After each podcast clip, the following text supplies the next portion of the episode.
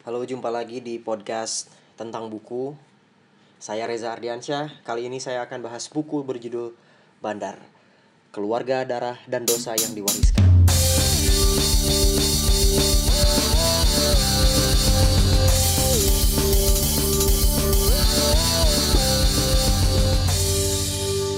Buku Bandar ditulis oleh Zaki Yamani.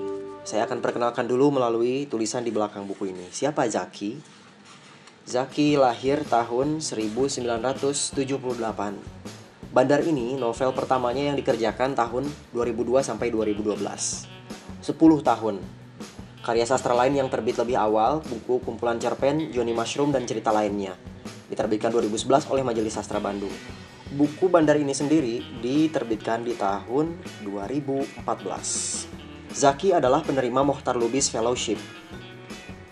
Dia sejak 2002 sampai saat ini bekerja sebagai wartawan di Harian Umum Pikiran Rakyat.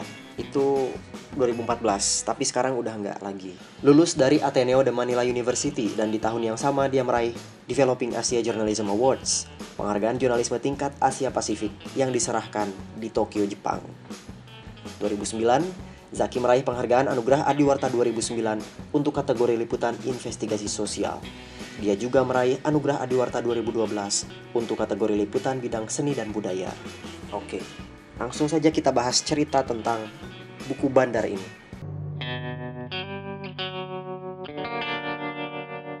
Intinya, Bandar bercerita tentang seorang ayah bernama Gopar. Pakai P, bener. Di bukunya juga pakai P, karena ini latar belakangnya di daerah Sunda, Jawa Barat, kota Bandung, di sebuah gang bernama Gang Somad. Gopar, dia ngajak ngobrol anaknya yang bernama Parlan, pakai P juga Parlan.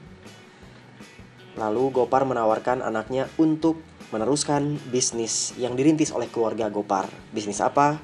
Bisnis narkotika. Sebagian besar buku ini bercerita tentang kenapa dan bagaimana bisnis narkotika dikembangkan oleh Gopar dan keluarga. Tapi tidak hanya bercerita tentang itu, buku ini juga mengulas atau menyitir tipis-tipis sejarah perkembangan nasionalisme Indonesia sejak zaman pasca kemerdekaan. Dimulai dari DITI di wilayah Jawa Barat. DITI itu Darul Islam Tentara In, Tentara Islam Indonesia. Pimpinan Kartosuwiryo, teman sekolahnya Soekarno yang pada akhir hayatnya Kartosuwiryo ini dihukum mati atas persetujuan Presiden Indonesia Soekarno alias sahabatnya sendiri. Oke, balik lagi ke kisah Bandar. Jadi Gopar ini sebenarnya meneruskan bisnis yang dirintis oleh orang tuanya. Orang tuanya namanya Ahmad dan Dewi. Tapi lebih banyak di Dewinya sih kisah-kisah ini karena Dewi ini digambarkan sebagai perempuan tangguh yang dia itu melawan sistem yang membuat perempuan ada di posisi subordinasi. Asik. Intinya perempuan tuh ada di posisi tidak setara. Ada beberapa kalimat atau keterangan yang menggambarkan itu. Kita simak yang pertama nih, halaman 95. Saat itu Dewi baru melewati 15 tahun, tapi alam pikirnya sudah jauh melebihi umurnya. Sudah sejak lama, dia selalu bertanya, kenapa anak manusia tidak bisa mencari jodohnya sendiri? Kenapa semua jalur hidup yang akan ditempuh anak manusia selalu ditentukan bapaknya? Dewi belum mengerti banyak tentang arti cinta dan hubungan lawan jenis. Yang dia tahu, perjodohan tidak selalu berujung dengan baik. Tragedi yang menimpa hidup Aminah menjadi pelajaran hidup yang akan selalu diingatnya. Ada satu pelajaran penting yang dimengerti Dewi dari tragedi itu, bahwa manusia berhak menentukan nasibnya sendiri, tak peduli apakah dia perempuan atau laki-laki dan manusia harus mempertahankan haknya itu walau harus dibayar dengan kematian.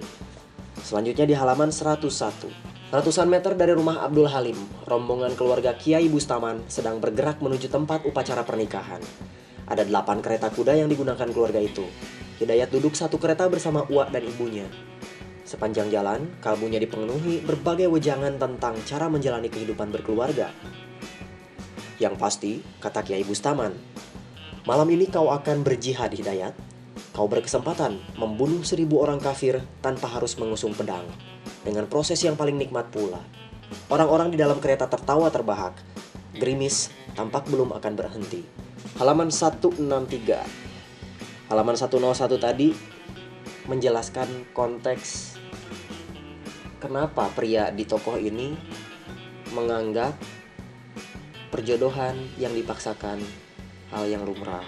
Selanjutnya di halaman 163 ini ini agak spoiler sih, tapi nggak apa-apa. Ini mempertanyakan tentang superioritas laki-laki juga ketika Dewi menjadi pelacur. Tetapi hal itu tak mungkin terjadi.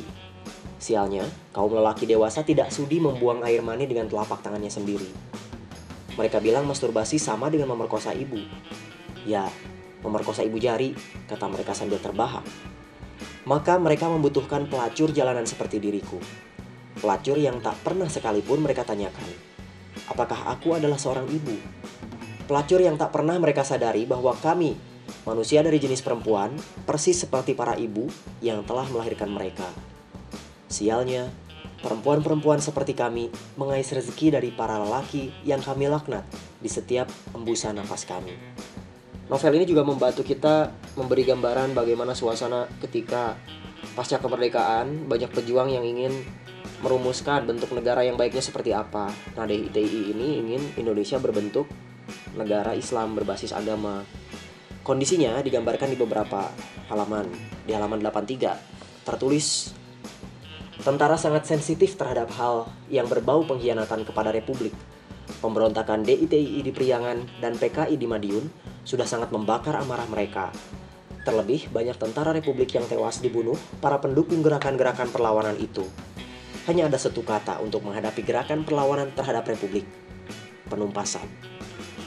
Di halaman berikutnya, halaman 105, dijelaskan bagaimana pandangan dari seorang penganut ajaran Kartosuwiro terhadap kemerdekaan Indonesia. Orang-orang yang tak punya pendirian. Mereka tak peduli apakah yang nanti berdiri di bumi ini negara Islam Indonesia atau Republik Indonesia. Para penjilat, di hadapan kami mereka bilang pendukung setia Darul. Di hadapan orang Republik, berkoar-koar sebagai pendukung para pencuri itu, Soekarno dan antek-anteknya. Orang-orang yang terus menjaga baju necisnya agar tak terkotori debu revolusi. Kau tahu, kata Dasep, jangan hanya karena kau orang desa yang tak berpendidikan, lalu kau bisa begitu saja tak memedulikan nasib bangsa ini, umat ini. Jangan kau menutup mata bahwa Imam Kartosuwiryo yang pertama kali menyatakan kemerdekaan tanah ini dari penjajahan. Soekarno dan antek-antek Jepang itu hanya pencuri ide imam Soekarno tidak akan pernah berani menyatakan kemerdekaan tanpa ada dukungan dari orang Jepang. Sementara Kartosuwiryo, Imam Darul Islam, menyatakan kemerdekaan tanpa meminta persetujuan penjajah. Kami juga tidak pernah mau mundur dari medan perang hanya karena harus mengikuti hasil perjanjian yang merugikan kami. Priangan adalah tanah kami. Kami tidak sudi meninggalkan tanah ini dan mundur bersama pasukan liar itu ke Yogyakarta. Kami telah bertempur habis-habisan melawan penyerangan Belanda dan orang-orang munafik dari negara Pasundan itu. Dan tiba-tiba saja, pasukan liar itu kembali dari Yogyakarta, menduduki tempat-tempat yang kami pertahankan dari serangan orang-orang kafir Eropa itu. Gambaran pasukan DITII di mata Dewi. Dewi tahu, pilihannya untuk pergi sama dengan mengundang maut. Siapa tak kenal pasukan DI? Tentara Republik pun mereka sembelih. Pasukan yang bergerak di kedalaman hutan pernah menghadapi dua pasukan besar sekaligus, Sekutu dan Indonesia. Digempur di sana-sini, mereka tetap bertahan, bergerilya di hutan-hutan priangan yang perawan, membuka kampung-kampung pemberontak di tengah hutan. Tahap perkembangan republik yang tadi saya bahas tidak hanya soal DITI, tapi ada juga gambaran masa akhir kekuasaan Presiden Soekarno yang dilanda krisis ekonomi di halaman 145 nih. Tiga tahun sudah mereka hidup bersama. Mereka sudah resmi menikah dan punya surat kawin. Tetapi kondisi tiba-tiba berubah. Barang kebutuhan sehari-hari semakin sulit didapat. Harga barang-barang naik di luar jangkauan. Antrean orang yang ingin mendapat bahan makanan terjadi di mana-mana. Banyak orang yang sudah tak mampu lagi makan di warung nasi Dewi. Mereka memilih makanan-makanan yang lebih murah hanya untuk mengganjal perut. Banyak orang yang berubah menjadi pengemis hanya dalam waktu satu malam. Banyak pekerja yang dipecat karena perusahaan tempat mereka bekerja bangkrut. Setiap hari, selalu terdengar suami istri yang bertengkar, sementara anak-anak mereka menangis dengan perut membusung karena kurang gizi. Lanjut ke masa G30S. Tidak lama setelah krisis ekonomi itu terjadi gonjang-ganjing politik, pada akhirnya Soekarno turun dan digantikan Soeharto. Gambaran tentang dampak G30S ini atau dalam istilah John Rusa dalih pembunuhan massal. Maksudnya dalih pembunuhan massal itu karena peristiwa G30S menjadi dalih agar orang-orang yang terduga PKI meskipun tidak berhubungan dengan PKI dibunuh gitu. Jadi jali untuk membunuh orang-orang yang mungkin tidak tahu apa-apa. Di halaman 199 nih gosip yang beredar di gang ini suami Bu Mariani terlibat G30S Mayor Mariono kabarnya sempat menjalani tahanan kota di Jakarta. Walaupun tidak terbukti terlibat tapi dia harus pensiun dini. Menjelang tahun 1970 dia pindah ke gang ini diberi sebidang tanah oleh kakak-kakaknya untuk membangun rumah. Tak lama kemudian dia meninggal dan anak-anaknya dititipkan di kerabatnya karena Bu Mariani tidak mampu membiayai sekolah mereka. Ada lagi gambaran pemerintahan Orde Baru yang menggantikan Soekarno pasca peristiwa G30S. Di halaman 202. Sudah beberapa lama ini Farid selalu berkeliaran di dalam lingkungan Gang Somad. Nyaris tak pernah keluar gang. Pada masa itu memang tak ada lelaki bertato yang berkeliaran di jalan apalagi pada malam hari.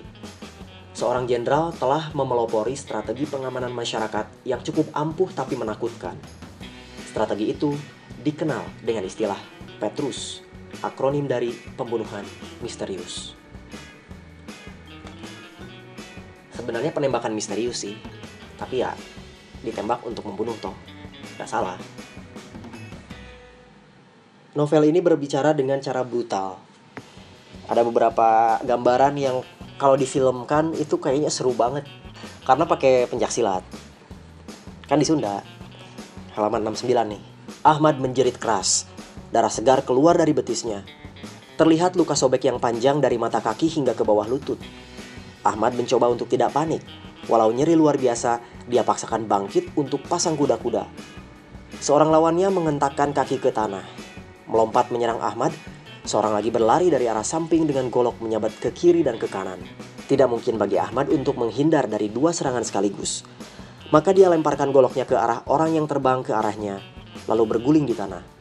Karena posisinya di udara, orang itu tak bisa menghindar.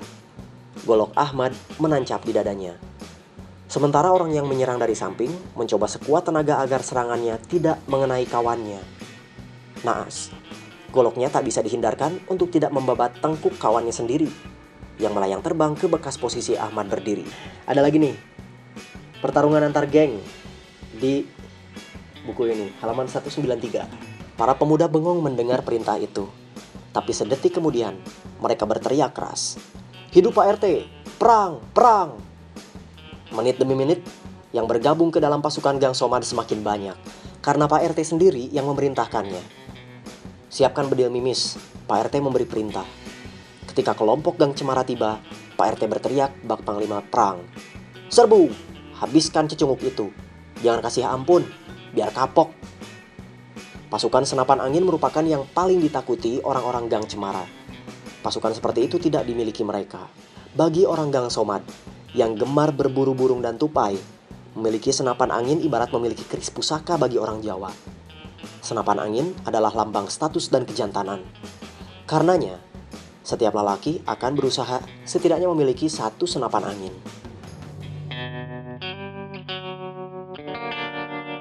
Oke, lanjut lagi ke cerita utama dari novel Bandar. Tadi kan di depan saya cerita bahwa ini sebenarnya cuma pengantar yang disampaikan oleh ayah kepada anaknya, Gopar ke Parlan. Nah, gimana nih? Parlan mau nggak nerusin bisnis bapaknya? Terus dia nyesel, kenapa bapak baru bilang sekarang? Masa lalu yang dalam tanda kutip menjijikan itu, kurang lebih begitulah.